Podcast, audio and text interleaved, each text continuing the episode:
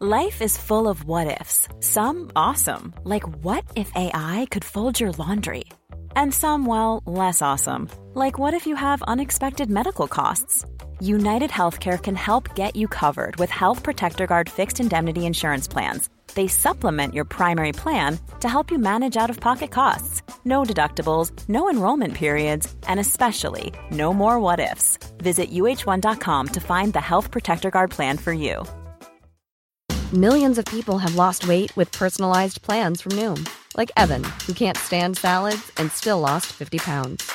Salads, generally, for most people, are the easy button, right?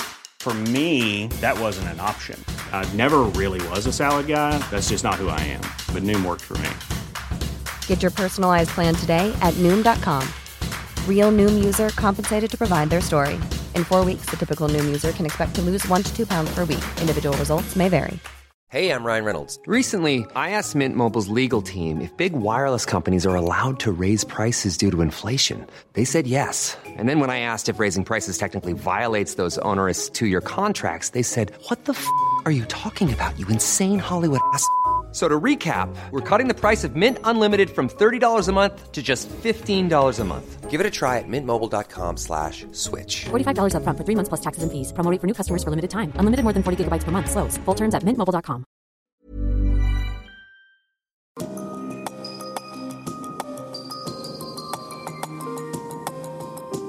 Du lytter til podkast fra Oslo Militære Samfunn. Besøk vår hjemmeside oslomildsamfunn.no, og se oss også på Facebook, Twitter og LinkedIn. God kveld, alle sammen. Direktør, generaladmiraler, medlemmer og venner av Oslo Militære Samfunn. Hjertelig velkommen til kveldens eh, foredrag. Kveldens foredragsholder er administrerende direktør i Nasjonal sikkerhetsmyndighet, Kjetil Nilsen. Han er befals- og politiutdanna, jurist fra Universitetet i Oslo, en master of management fra BI og har gått NATO Defence College i Roma. Nilsen har mer enn 25 års bakgrunn fra politiet, bl.a. fra lederstillinger i Asker og Bærum politidistrikt, Politidirektoratet og Politiets sikkerhetstjeneste, og i tillegg til internasjonale operasjoner. Vi har tidligere hatt foredrag fra etterretningstjenester om hvordan vi kan ivareta, eller i alle fall være bevisst, vår egen datasikkerhet, eh, om samfunnssikkerhet. Og I dag er tema risikoer og sårbarheter i en ny tid, sett fra Nasjonal sikkerhetsmyndighets side. Vær så god, administrerende direktør Kjetil Nilsen. Talerstolen er din.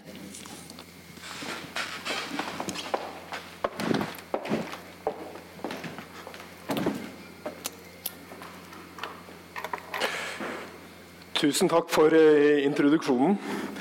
Eh, Jeg håper at stemmen bærer i dag, og at den ikke skjærer seg for mye. Eh, Det er mer mitt eh, utfordring enn eh, deres, håper jeg. Men eh, dette tror jeg skal allikevel gå bra. Kjære alle sammen. Det er en ære å få komme hit til eh, Oslo Militære Samfunn eh, og holde et foredrag. Det er et sted som eh, mange ønsker å komme, og, det skjønner jeg godt. Det er en, et sted med god historie og mange, mange gode foredrag.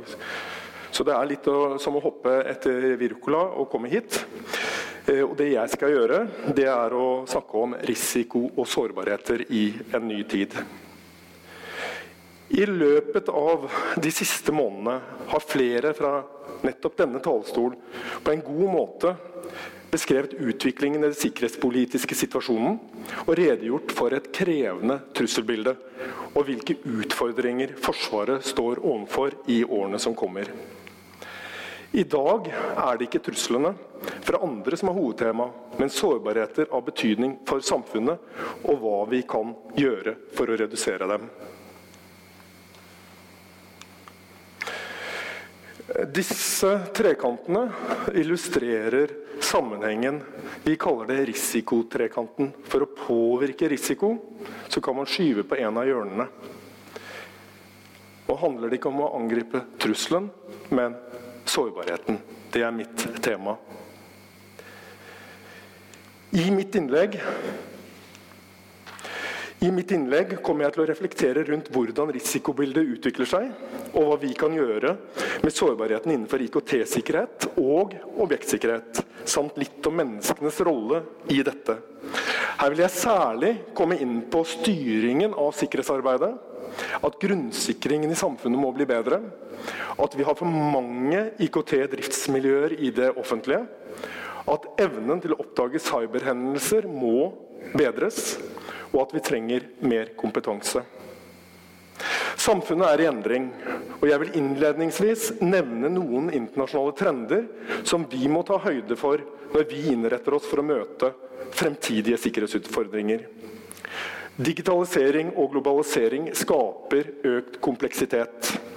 Informasjonstilgangen, ja, den er overveldende. Den digitale utviklingen skaper store avhengigheter på tvers av virksomheter og landegrenser. Store menneskemengder forflytter seg, og det oppstår humanitære utfordringer. Det er klare tendenser til økt polarisering, og tilliten til de styrende synes å være svekket. Populisme synes å være i fremmarsj. En ny situasjon har oppstått i Europa etter brexit, og valget i USA har skapt usikkerhet. Vi og flere land i Europa skal gå til valg senere i år. Alt dette gir en uoversiktlig og krevende situasjon. Likevel tror jeg at rekkevidden av den teknologiske utviklingen som skjer rundt oss, og konsekvensene som følger av den, er det som vi er dårligst forutsetning for å forstå. Utviklingen skaper nye måter å kommunisere på, og mennesket innretter seg raskt. Alt rundt oss kommer innen kort tid til å inneholde en datamaskin. En sensor som kommuniserer med andre. Arbeidslivet kommer til å endres når automatiseringen slår til for fullt. Nasjoner og virksomheter som ikke henger med i utviklingen, vil bli akterutseilt.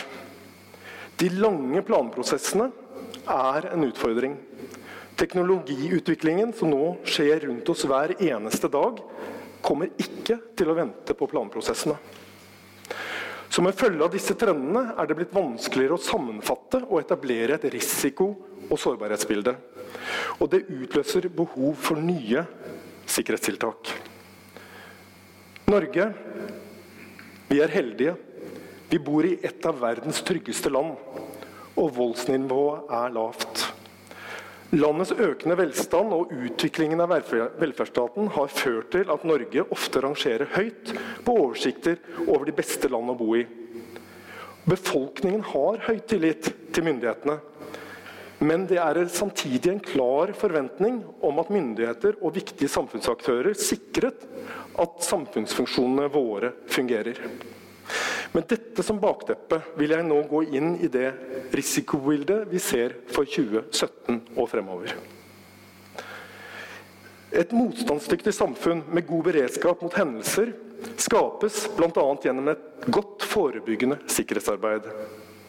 Forebyggende sikkerhet handler om å etablere god grunnsikring i form av informasjon, objekter og viktige samfunnsfunksjoner, både nå og i fremtiden. Det er grunnsikringen i samfunnet som må ta støyten dersom vi ikke får noe forvarsel. Eller om vi står overfor en ny type angrep som vi ikke har planlagt for. Både offentlig forvaltning og private virksomheter har verdier som må beskyttes mot spionasje, sabotasje, terrorisme og andre alvorlige hendelser. God styring av sikkerhet er det viktigste virkemidlet og en nødvendig forutsetning for å identifisere og iverksette effektive, helhetlige sikringstiltak. Mangelfull planlegging og styring av sikkerhetsarbeidet er fortsatt en utfordring i Norge. Dette er alvorlig. Den overveiende delen av avvik som er avdekket den siste tiden gjennom NSMs tilsyn, burde virksomhetene selv ha avdekket gjennom interne sikkerhetsrevisjoner. Uten at, uten at sikkerhetsrevisjoner er gjennomført, blir også grunnlaget for ledelsens evaluering svakt. Noe som igjen kan føre til feil prioriteringer av korrigerende tiltak for å redusere risikoen mot virksomhetens verdier. NSM utfører hvert år tilsyn med både private og statlige virksomheter. Det vi ofte ser, er at mange store foretak og forvaltningsinstitusjoner sliter med å implementere de fire store hovedtiltakene innen sikkerhetsstyring. Disse er verdivurdering, risikoanalyser, internrevisjon og ledelsens evaluering. Det finnes ofte sikkerhetsfaglig kompetanse i virksomhetene, men den blir ikke systematisk utnyttet. Det finnes også tegn som tyder på at underordnede etater og virksomheter i en del tilfeller ikke får tilstrekkelige styringssignaler om og oppfølging av sitt arbeid med forebyggende sikkerhet fra overordnet departement eller forvaltningsorgan, som da har en særlig ansvar for sikkerheten i egen sektor. Vi anbefaler at virksomhetene etablerer et system for kontinuerlig styring og forbedring av sikkerhetsarbeidet. Dette vil bidra til å gjøre virksomhetenes sikkerhetsarbeid mer systematisk og lettere å følge opp. Vi anbefaler også at overordnede virksomheter tar et større grep og styrer og følger opp underordnede på sikkerhet. Det må være en god kultur også for å melde avvik og hendelser. Den som rapporterer, bør ikke utsettes for negative konsekvenser. Luftfartsindustrien er et eksempel på en sektor som, hvor det lenge har vært en god kultur for rapportering, og er et eksempel til etterfølgelse. Kunnskap gjør det mulig å iverksette de rette sikkerhetstiltakene. Nesten 30% av befolkningen er bekymret, eller svært bekymret, for cyberangrep. Det viser DSBs store befolkningsundersøkelse, som nylig ble lagt frem. Rett etter bekymringen for terrorhendelser. På, dette, på cyberområdet ser vi privatpersoner som er redde for å bli hacket, virksomheter som er redde for økonomiske tap, og det er også en mulighet for at sentral infrastruktur kan bli satt ut av spill. Cyberangrep har beveget seg fra hacking på gutterommet via kriminelle handlinger til å bli et angrepsverktøy for en nasjonalstat. PST og Etterretningstjenesten har tidligere i vinter trukket fram Russland og Kina som de mest aktive etterretningsaktørene i Norge. Vi i NSM ser at statlige aktører forsøker å etablere et fotfeste i norske virksomheters digitale infrastruktur. Vi driver et nasjonalt sensornettverk for å avdekke digitale angrep. Det kalles BDI. Våre sensorer er utplassert i kritisk infrastruktur og i virksomheter som har kritiske samfunnsfunksjoner eller driver med høyteknologi. Når alvorlige angrep avdekkes, koordinerer vi og bistår i håndteringen av dem. Og gjennom dette sensorsystemet har vi i løpet av det siste året sett cyberangrep rettet mot offentlig forvaltning og næringsliv. Det dreier seg om fremmed etterretningsvirksomhet og avanserte datanettverksoperasjoner. Det er ikke teori, det er en realitet. Cyberangrepene øker i antall. I 2016 registrerte NSM nok en økning i antall hendelser fra året før. Samtidig antar vi at det er store mørketall når det gjelder det årlige totale antall cyberhendelser i Norge. Det er flere grunner til det. Mange virksomheter avdekker og håndterer slike hendelser selv, uten at de rapporterer det. Verken til oss eller til andre myndigheter. I tillegg antas det at det er mange hendelser som rett og slett ikke oppdages, fordi at vi ikke har eh, evne til det. Virksomheten har ikke det evne til det, eller vi har ikke kapasitetsmessig eh, kapasitet til å følge det opp.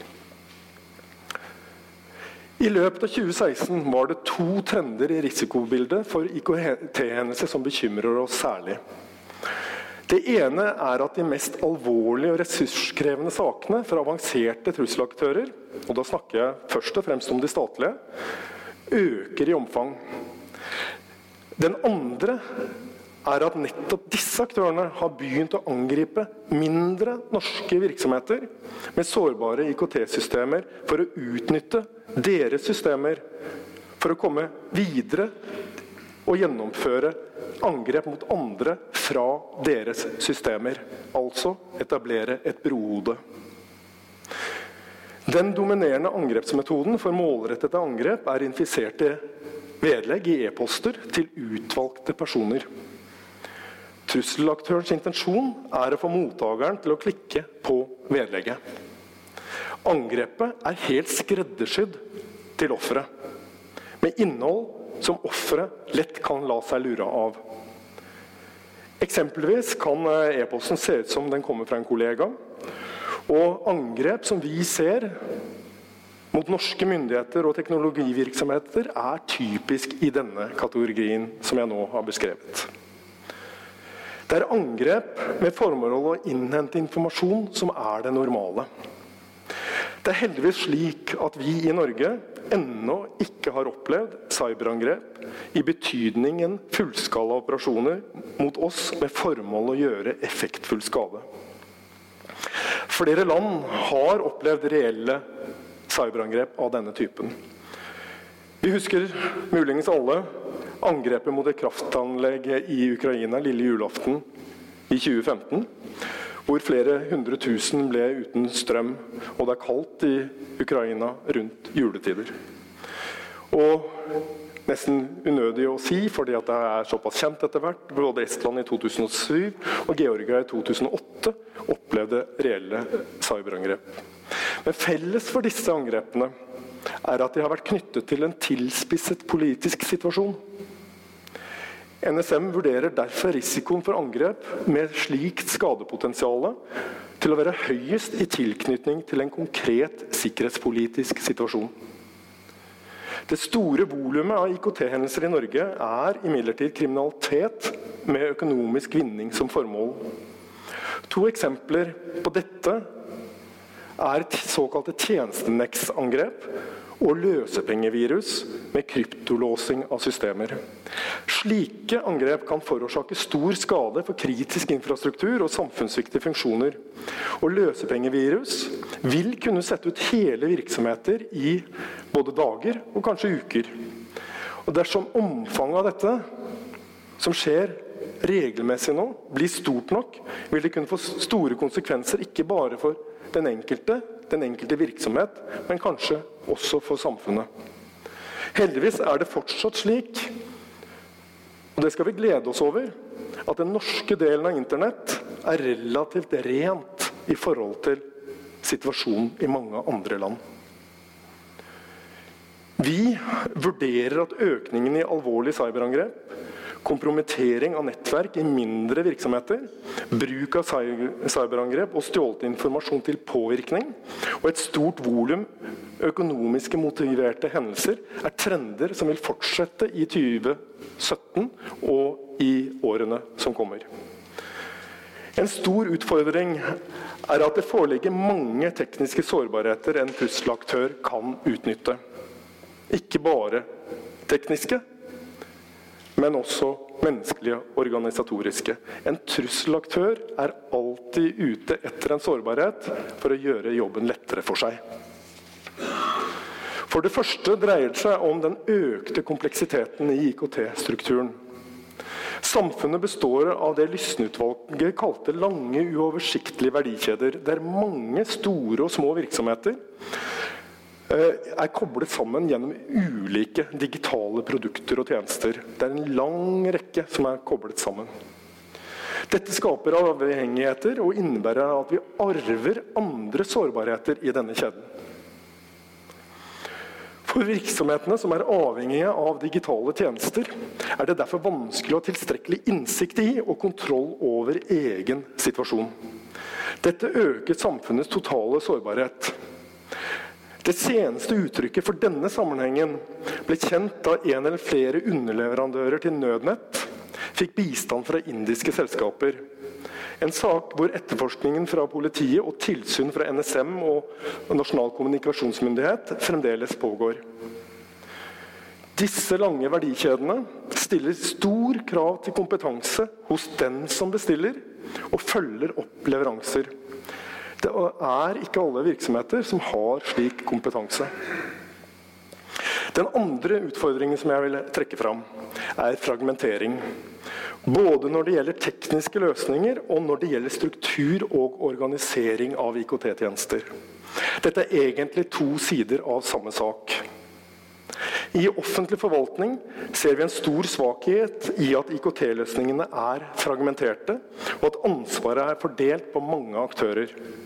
Fragmenterte driftsmiljøer skaper kompleksitet og unødige variasjoner på nettverk og systemer. Det skaper utfordringer funksjonelt for å få de ulike programmene til å snakke sammen. Og sikkerhetsmessig, for det er mange løsninger som skal forvaltes og oppdateres. Dette resulterer i flere sårbarheter og mulige angrepsflater. IKT Norge gjennomførte for noen år siden en undersøkelse som viste at det finnes ca. 600 forskjellige IKT-driftsmiljøer i offentlig sektor. Nesten alle har sitt eget. Jeg, som direktoratsleder, står nesten fritt til å velge hvordan jeg vil organisere mitt IKT-driftsmiljø. Og hva slags løsninger jeg velger å satse på. Jeg kan ha et eget driftsmiljø hos meg selv, eller jeg kan sette ut driften. Og jeg kan inngå leverandøravtaler med nesten hvem som helst. De færreste etater eller direktorater har kompetanse til å gjøre slike valg. When you're ready to pop the question, the last thing you want to do is second guess the ring. At Bluenile.com, you can design a one of a kind ring with the ease and convenience of shopping online. Choose your diamond and setting. When you find the one, you'll get it delivered right to your door. Go to Bluenile.com and use promo code LISTEN to get $50 off your purchase of $500 or more. That's code LISTEN at Bluenile.com for $50 off your purchase. Bluenile.com code LISTEN. Millions of people have lost weight with personalized plans from Noom, like Evan, who can't stand salads and still lost 50 pounds. Salads, generally, for most people, are the easy button, right? For me, that wasn't an option. I never really was a salad guy. That's just not who I am. But Noom worked for me. Get your personalized plan today at Noom.com. Real Noom user compensated to provide their story. In four weeks, the typical Noom user can expect to lose one to two pounds per week. Individual results may vary. Å beholde autonomien og sjølråderetten har vært viktigere enn sikker og effektiv drift på IKT-siden. En slik holdning koster oss dyrt som samfunn, og var ikke råd til å holde på slik i lengden. Over tid svekker en slik tilnærming både sikkerheten i datasystemene og mulighetene for å dra nytte av den nyeste teknologien. Små driftsmiljøer har rett og slett ikke ressurser til å henge med i utviklingen. Felles IKT-løsninger og infrastruktur er viktig for sikker samhandling både innen sektorer og mellom sektorer. Ved en samfunnsmessig eller sikkerhetspolitisk krise må IKT-systemene være tilgjengelige og virke som de skal. Vi i NSM mener det er behov for færre IKT-miljøer i offentlig forvaltning. Vi mener at det vil gi stordriftsfordeler med mer robuste kompetansemiljøer og kostnadseffektive løsninger. Og da både funksjonelt, driftsmessig og sikkerhetsmessig. Og ikke minst, større miljøer har lettere for å tiltrekke seg og bygge opp sikkerhetsfaglig kompetanse og annen kompetanse. Vi mener også at det er behov for en felles, robust IKT-infrastruktur i statsforvaltningen. Flere land har satt i gang tiltak for å innfri kravene om en mer effektiv statsadministrasjon og for å øke digitaliseringen. Et av hovedtiltakene er å etablere en felles, robust infrastruktur tilrettelagt for samhandling og kobling av data i statsforvaltningen. Jeg har nå fokusert på offentlig sektor, men prinsippene som jeg her trekker frem, er relevante også i det private. Selv om vi rydder opp og strukturerer oss på en god måte, vil det være teknologiske sårbarheter vi må håndtere. Og Før jeg går på dem, så er det et bilde jeg egentlig hadde lyst til å presentere for, for dere her, sånn, som jeg ikke har tatt med. Men det er bildet av en spagetti. Det er et veldig godt bilde på hvordan det ser ut i mange norske virksomheter. IKT er en spagetti. Hvor går alle linjene? Det er en kjempeutfordring. Ok, da går jeg videre. Den tredje utfordringen jeg nå vil trekke frem, er altså de teknologiske sårbarhetene. Uavhengig om vi har klart å rydde opp. Det er mange slike teknologiske sårbarheter.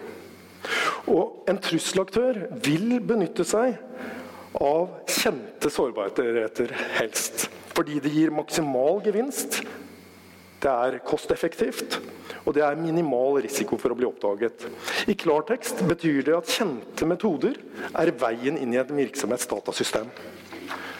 Trusselaktøren går inn der gjerdet er lavest, f.eks. få noen til å klikke på en lenke i en e-post. som jeg har beskrevet. Den gode nyheten er at det er mulig å beskytte seg mot de fleste kjente sårbarhetene hvis man følger våre og andres tilsvarende grunnleggende råd.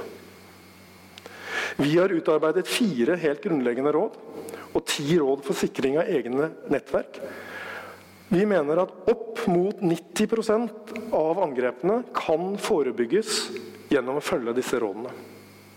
Den dårlige nyheten er at det er svært vanskelig å beskytte seg mot de mest avanserte angrepene. Imidlertid, dersom rådene følges, så tvinger vi angriperen til å anvende, anvende mer avanserte metoder. Vi engasjerer motstanderen og det er ikke sikkert han er villig til å bruke mer kostbare virkemidler. Et IT-våpen blir kjent når det er avfyrt. Vi i NSM gjennomfører inntrengningstesting i norske systemer. Da er det vi som er trusselaktøren. Som regel klarer vi å bryte oss inn nesten hver eneste gang. Med enkle metoder som kunne ha vært stanset dersom de rådene jeg nå har nevnt, hadde blitt fulgt. Og heldigvis ser vi at virksomhetene den senere tiden har blitt bedre til å erkjenne at slike tekniske sårbarheter finnes, og de har også blitt bedre til å lukke dem. Men det er et godt stykke igjen. For å møte de tekniske sårbarhetene har vi publisert flere råd om sikring av både graderte og ugraderte systemer. Dette vil vi fortsette med. Hensikten er å medvirke til at virksomhetene etablerer god grunnsikring i sine systemer. Vi er i ferd med å utvikle det vi kaller grunnprinsipper for god IKT-sikkerhet. Og Disse grunnprinsippene vil legge til rette for gjenbruk i og på tvers av ulike sektorer og bygge på etablerte internasjonale standarder. Prinsippene vil gjøre det enklere å oppfylle krav i ulike regelverk, og på den måten legge til rette for felles tekniske løsninger.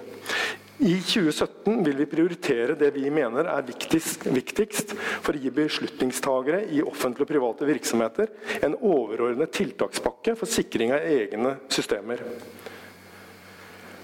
Og Det er sikringstiltak som skal endres i takt med den teknologiske utvikling og samtidig støtte opp under digitaliseringen i samfunnet. Vi kan gi råd og komme med anbefalinger, men vi er helt avhengige av den enkelte virksomhet som implementerer disse i sine systemer og skaper den grunnsikringen vi er ute etter. Det fjerde og siste området jeg vil trekke fram, er behovet for å kunne detektere og håndtere alvorlige cyberhendelser. Evnen til å oppdage alvorlige cyberhendelser må etter min oppfatning styrkes. Og da både på det nasjonale plan, gjennom sektorvise responsmiljøer og i virksomheten selv. Nasjonalt må vårt eh, sensornettverk styrkes for å gi et tilstrekkelig situasjonsbilde av den nasjonale IKT-sikkerhetstilstanden i kritisk infrastruktur og kritiske samfunnsfunksjoner. En styrking av deteksjons- og håndteringsevnen krever både teknologiinvesteringer og retningslinjer for hendelseshåndtering. Derfor jobber vi for tiden intensivt med å utvikle et nasjonalt operativt rammeverk for digital hendelseshåndtering. Rammeverket vil forhåpentligvis styrke Norges evne til å håndtere cyberhendelser som rammer offentlige og private virksomheter i og på tvers av sektorene. Rammeverket vil beskrive hva som skal gjøres, slik at alle relevante aktører effektivt kan utøve sitt ansvar i en koordinert nasjonal respons. Rammeverket for digital hendelseshåndtering vektlegger tiltak for forberedelse og planlegging, deteksjon og respons. Vurdering, rapportering og utarbeidelse av læringspunkter. Dette rammeverket er ikke teori. Det ble første gang prøvd i november 2016 i øvelsen IKT-øvelsen 2016. Det var den nasjonale, store øvelsen som gikk i siste år. Vi noterte også en hel rekke med nyttige erfaringer gjennom øvelsen, som vi nå er i ferd med å innarbeide, slik at rammeverket vil bli ferdigstilt i løpet av inneværende år. Nå har jeg snakket mye om IKT-sikkerhet. Et annet område som er viktig i det forebyggende sikkerhetsarbeidet, er fysisk sikring og objektsikkerhet. Som dere helt sikkert kjenner til og har fått med dere gjennom Eh, behørig mediedekning var det høring i kontroll- og konstitusjonskomiteen om arbeidet med objektsikkerhet eh, i forsvars- og justissektoren. Eh, og sikring av objekter med sikringsstyrker for en uke siden, sist mandag. Bakgrunnen for høringen var en revisjonsrapport fra Riksrevisjonen.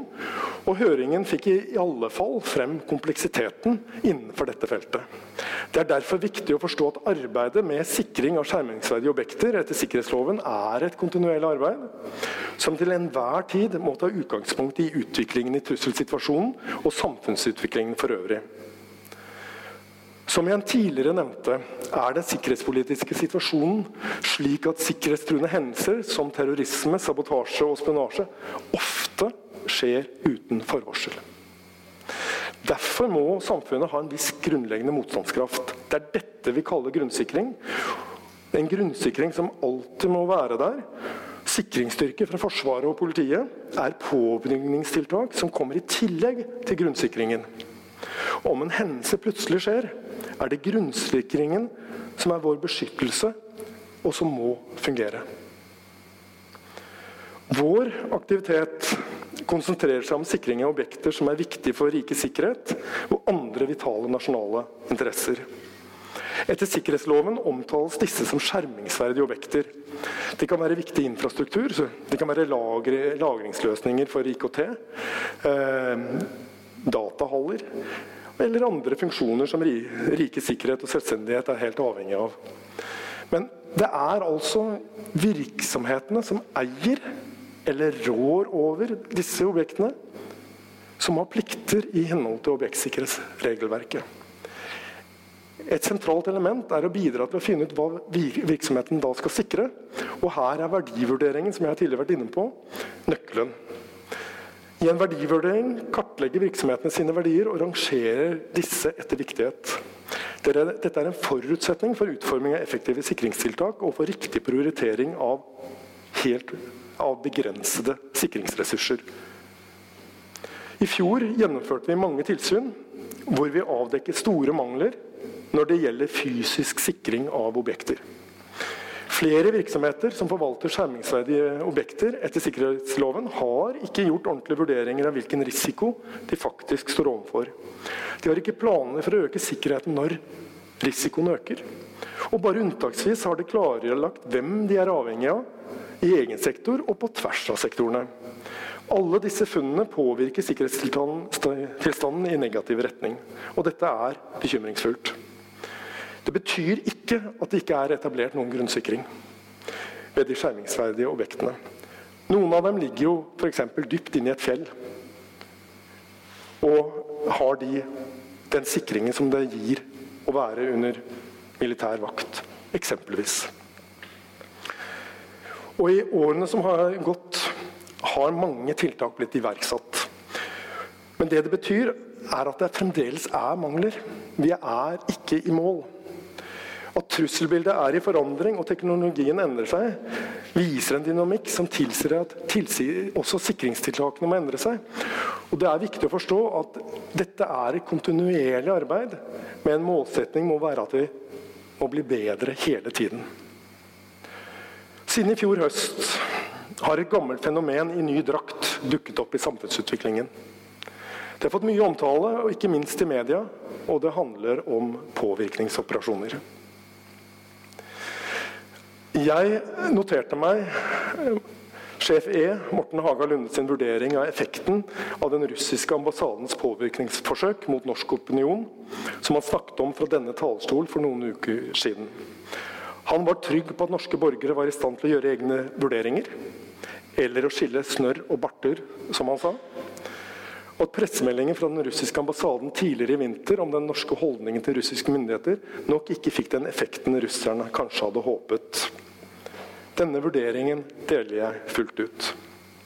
Når det er sagt, så må vi huske på at den digitale arenaen er stedet hvor norsk naivitet og tradisjonell tillit til myndighetene og våre politiske organisasjoner møter harde realiteter fra andre samfunn og kulturer.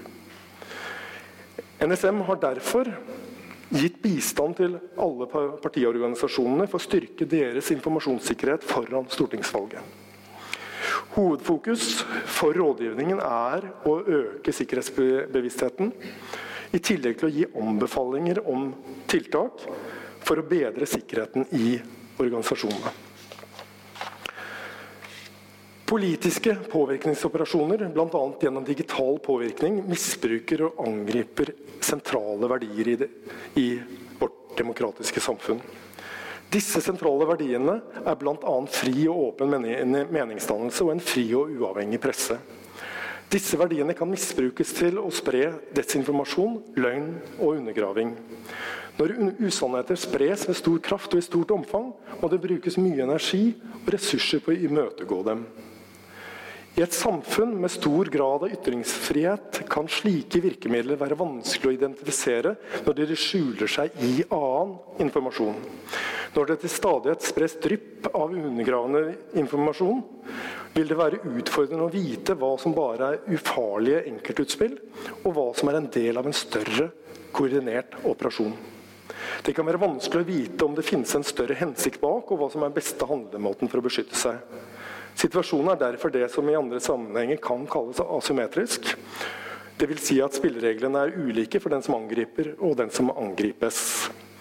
Siste linje mot spredning av falsk og stjålet informasjon i mediene er journalister og redaksjoner. Det er derfor gledelig at VG, Dagbladet og NRK har gått sammen og etablert redaksjonen Faktisk, som skal faktasjekke påstander. Myndighetsorganer, politiske partier, media og andre virksomheter med høy grad tillit, av tillit i samfunnet bør nå forsterke sikkerheten i og kontrollen med egne kommunikasjonskanaler, som nettsider, e-post og kontoer på sosiale medier. I EU er det opprettet en task force, en arbeidsgruppe, for å kontre desinformasjon. Initiativet skal samtidig øke EUs kapasitet til å forutsi, håndtere og svare på desinformasjon. Vi har ikke noe tilsvarende i Norge, men kanskje vi bør vurdere noe slikt nasjonalt? Borgere med høy kompetanse og evne til å reflektere er kanskje vårt beste forsvar mot påvirkningsoperasjoner. Borgere som tenker seg om og ikke klikker ukritisk på lenker i e-poster, bidrar også til bedre cybersikkerhet. Som samfunn trenger vi kompetanse i bred forstand. Alt fra hvordan vi får inn forståelsen for de digitale mulighetene og utfordringene gjennom undervisningen i skolen, til hvordan vi lærer den oppvoksende generasjon til å vurdere den enorme mengden informasjon de har tilgang til på internett, med en sunn skepsis og en viss kritisk sans. Alt man leser på nettet, er jo ikke sant. Her har både skolen og foreldre en viktig rolle.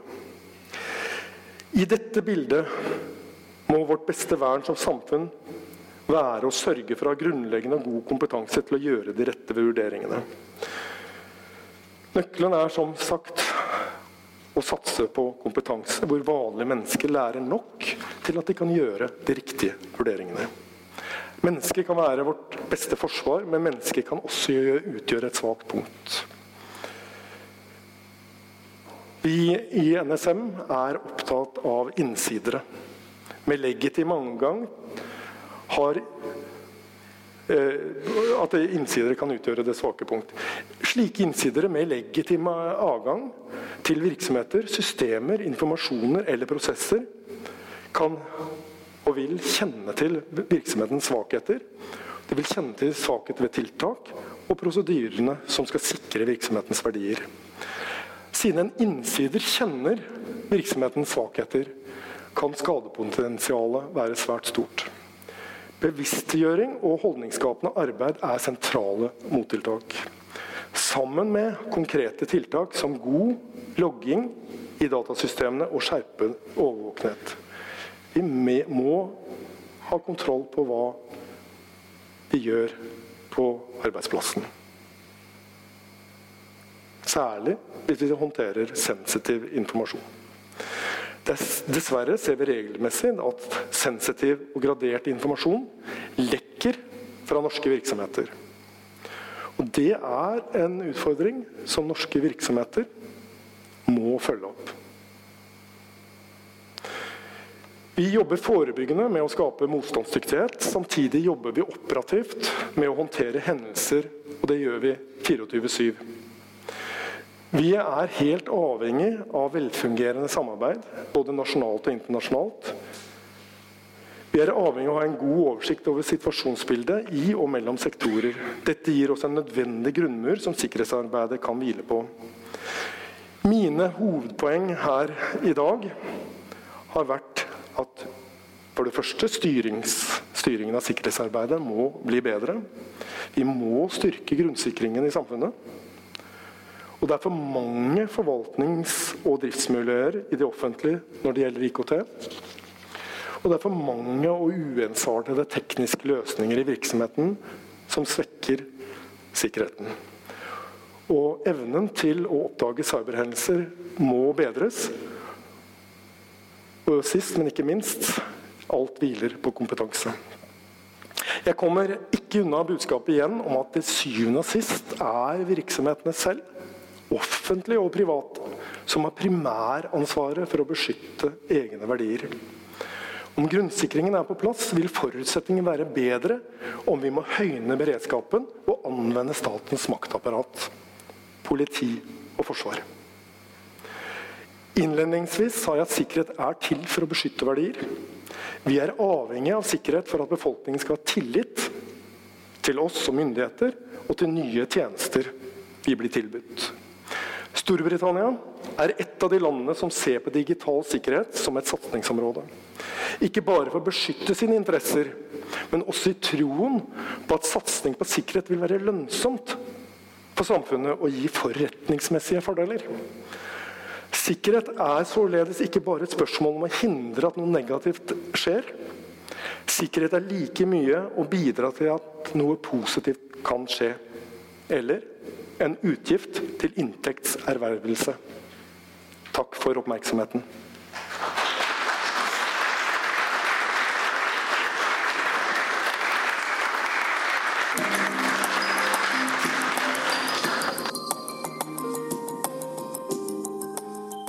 Du har hørt podkast fra Oslo Militære Samfunn.